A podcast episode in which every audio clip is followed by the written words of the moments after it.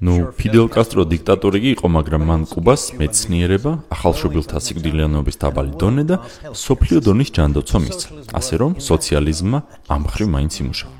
ეს ტყუილი. კასტროს თაყვანისმცემლებს ავიწყდებათ, რომ 1959 წლის რევოლუციამდე კუბა საკმაოდ განვითარებული ქვეყანა იყო. ის განვითარებით უსწრებდა როგორც ლათინურ ამერიკას, ასევე ბევრ ასპექტში დასავლეთ ევროპასაც კი. კუბა ახალშობილთა დაბალი სიკვდილიანობით ჯობნიდა საფრანგეთს და დასავლეთ გერმანიას, ხოლო ერთ სულ მოსახლეზე ექიმების რაოდენობით ბრიტანეთსაც კი უსწრებდა. ის ანდაზა მახსენდება, ცოტა წარმატებას როგორ მივაღწიოდა, დიდი წარმატებით დაიწყო. ძალიან მარტივია ესპანეთს გაუტოლდე ციგნიერების დონით, თუ ესპანეთზე უფრო მაღალი დონიდან დაიწყება. ზემოთხსენებული ინფორმაციით მარტო იმიტომ აღფრთოვანდებიან, რომ ეს ინფორმაცია ძალიან ღარიბი ქვეყნიდან მოდის. ანუ კასტროს მხოლოდ იმიტომ აღმერთებენ, რომ წარმატებული ქვეყანა დაანგრია. დიქტატორები ასევე ყოველთვის манипуლირებენ სტატისტიკით, რათა სიმართლე დამალონ.